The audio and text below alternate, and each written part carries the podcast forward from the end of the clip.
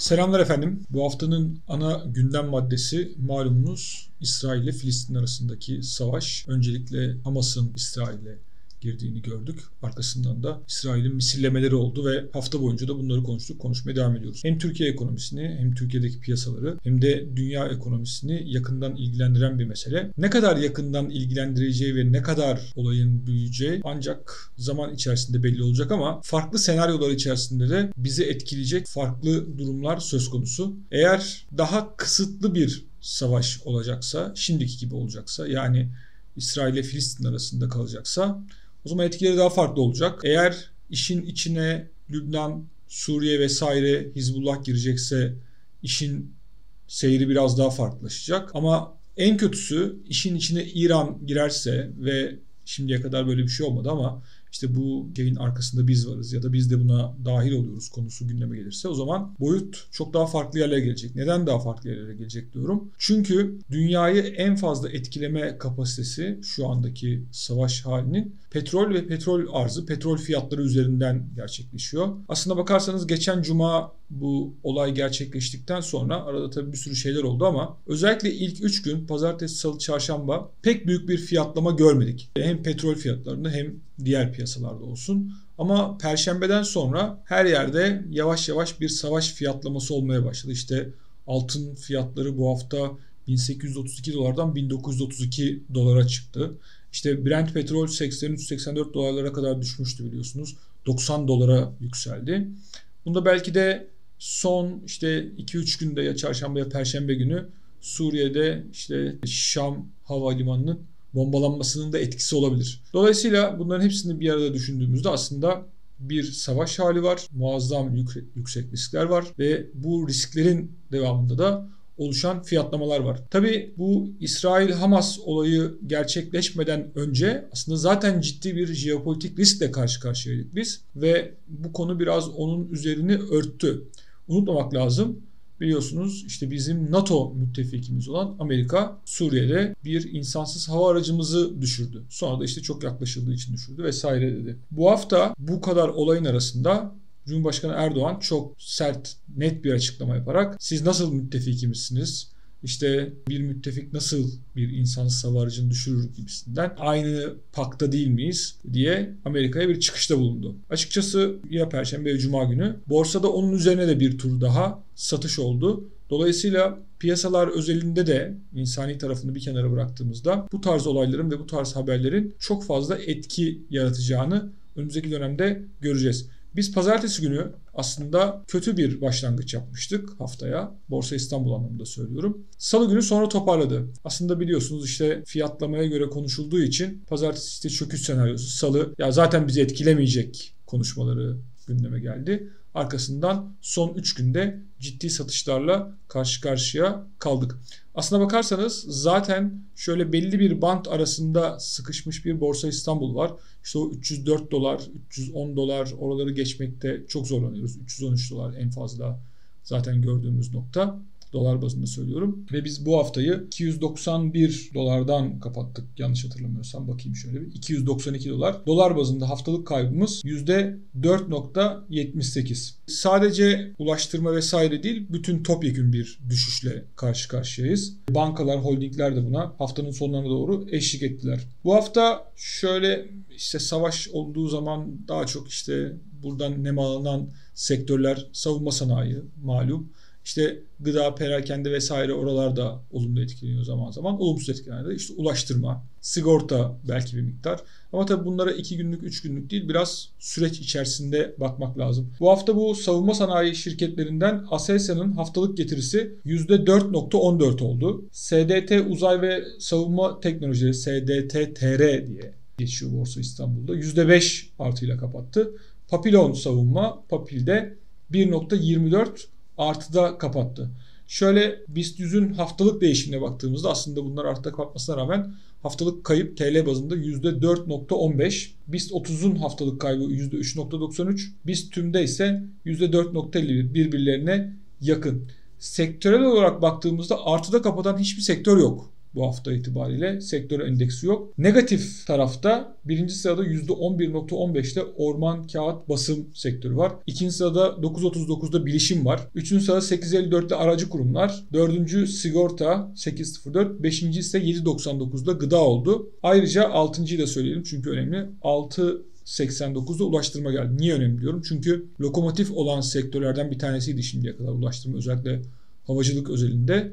Maalesef son birkaç haftadır buranın tavsadığını, burası tavsadığı için de borsanın gitmediğini görüyoruz. Şimdi burada bir şey de hatırlatmak istiyorum. İşte hem sosyal medyada hem de e, YouTube'da falan görüyorsunuzdur. Bir takım analizler yapılıyor. Burada çok manasız bir çıkış var. Ona lütfen dikkat edin. Mesela işte bizim en fazla gördüğümüz all time high yani en yüksek rekor dolar bazında söyleyeyim. Diyelim ki 313 dolar. Şimdi şöyle bir cümle duyuyorum. İşte 313 doları geçerse daha yukarı gidebilir. Ya zaten daha yukarı gitmesi için 313 doları geçmesi lazım. Eğer 313 doları geçmezse oranın gerisinde kalırsa diyorsunuz ki 313 dolar güçlü bir direnç onun için gerisine geldi. Geçerse orayı geçince zaten yükseleceğini söylemiştik. Geçmeyip oralarda kalırsa altına gelirse zaten bir bant arasında hareket ediyor. Aslında bu yorum bütün ihtimalleri ihtiva ediyor. Onun için bunlara çok ihtiyatla yaklaşmak lazım. Yani böyle bir şey söyleyen biri zaten bütün ihtimalleri aynı anda söylemiş oluyor ve hangisi gerçekleşirse bunu zaten böyle olduğunu, buranın güçlü olduğunu söylemiştik. Zaten eninde sonunda orası geçil yani 330 dolara gidecekse bir borsa 310'dan 330'a çıkmayacak herhalde. 314'ü de arada bir geçecek. Onun için bu tarz yorumlara ihtiyatla yaklaşmanızı tavsiye ederim. Hisse bazında baktığımızda en çok yükselenleri sayalım. Konya Çimento %27.71. Bu ay zaten %50'ye yakın yükseldi Konya Çimento.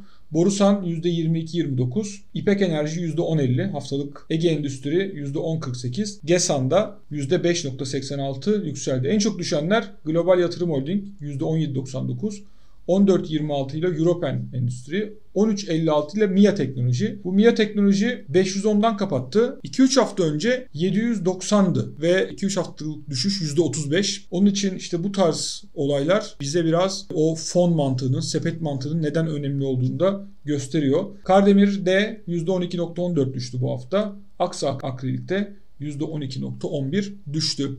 Bu tarz ortamlarda Borsa İstanbul'un tökezlemesi, biraz patinaj yapması gayet normal. Çünkü her türlü jeopolitik risk bizi de çok yakından ilgilendiriyor. İşte dünyanın her yerinde Filistin'e destek mitingleri yapılıyor. Bir taraftan da İsrail destekleyen üst düzey açıklamalar geliyor ve olayın nerelere varabileceği o Orta Doğu'nun karmaşık yapısından dolayı aslında hiçbir kimse tarafından kestirilemiyor. Çünkü büyük hassasiyetler var.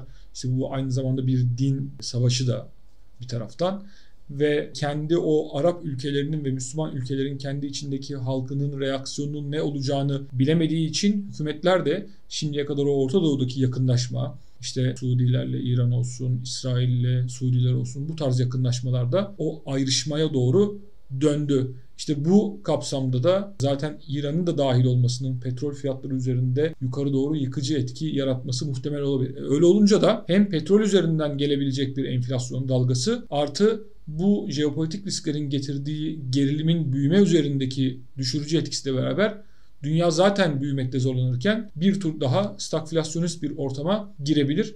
Onun için bunun mümkün olduğu kadar eskale olmaması hem umuyoruz hem de ekonominin selayeti açısından gerekiyor. Bizim tarafa baktığımızda aslında bu haftanın önemli haberlerinden bir tanesi de kur korumalı mevduatta gerçekleşti. 7 haftadır zaten üst üste kur korumalı mevduatta bir düşüş var. Bu hafta hem Mehmet Şimşek'in açıklamaları kapsamında bundan işte bir yıl içerisinde çıkacağız dedi. Hem de Garanti Bankası Genel Müdürü Recep Baştuğ'un açıklamaları vardı. Okumadıysanız okuyun. Önemli bilgiler var. Kur korumalı mevduatın ancak işte bir sene içerisinde buradan çıkılacağını, şirketlerin aslında durumlarının fena olmadığını, hatta çarpıcı bir iki cümle var orada da. Bu kadar yıllık bankacılık hayatımda en kuvvetli bilançoları gördüğüm dönemi yaşıyorum diyor.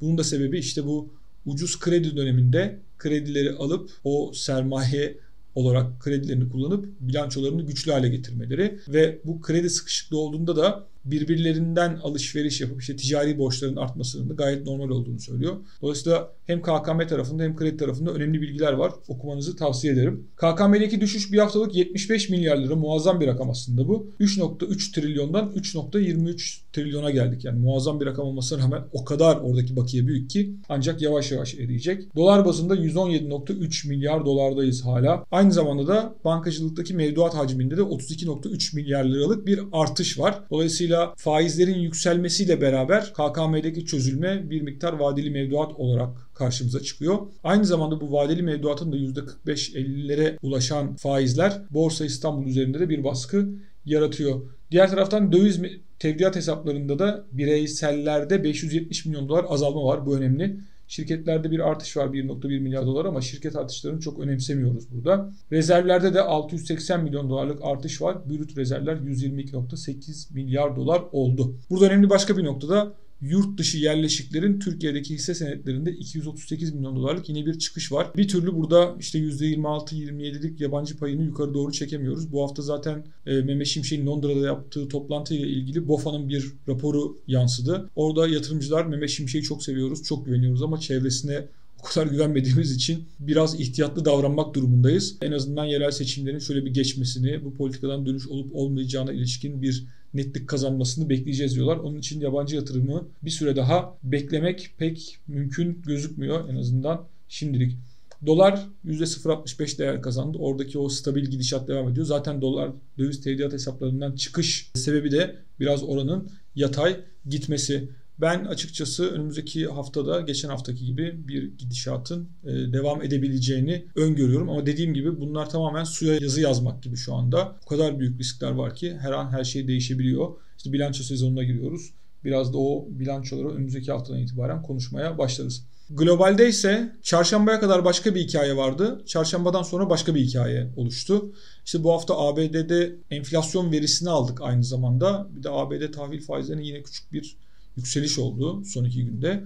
Enflasyon verisi aslında beklentilerin biraz üzerinde geldi. Çekirdek enflasyon beklentiler dahilinde geldi. Enflasyonda aylık 0.4 yükseliş var. Yıllıkta 3.7. Burada aylıkta beklenti 0.3, yıllıkta 3.6 idi. O biraz beklentinin üstü gelmesi piyasayı bozdu ama diğer taraftan da bu enflasyonun büyük kısmı yarıya yakını shelter dediğimiz bu konaklama aslında onun da en büyük kısmı kiradan geliyor. Burayı bir türlü kontrol altına alamadılar. Saatlik kazançlarda da aylık Reel düşüş 0.2 oldu ama yıllıkta %0.5'lik bir yükselme var. Gene bu enflasyon verisi ve bu ücret verisi biraz karmaşık geldi. Biz Şöyle Fed'in bir sonraki toplantısı 1 Aralık'ta, Kasım'da. Sonra da 13 Aralık'ta ikinci toplantıyı yapacak. Hala faiz arttırımı konusunda 1 Kasım'da hiç faiz arttırımı beklenmiyor neredeyse piyasadan. Ama Aralık'ta %28-29 bir faiz arttırımı ihtimali hala masada. Olup olmayacağına bakacağız. Daha ondan sonra bir veri daha bir, birkaç veri daha alacağız o toplantıya kadar. Dolayısıyla o belirleyici olacak. 2024 içinde şöyle Haziran Temmuz'a kadar bir faiz indirimi beklenmiyor piyasalar tarafından. Ayrıca bu hafta önemli bir fiyatlama da altın tarafında oldu. Doğal olarak 1832 dolardan 1932 dolara geldik. Buradaki yükseliş %5.46 bu tamamen bir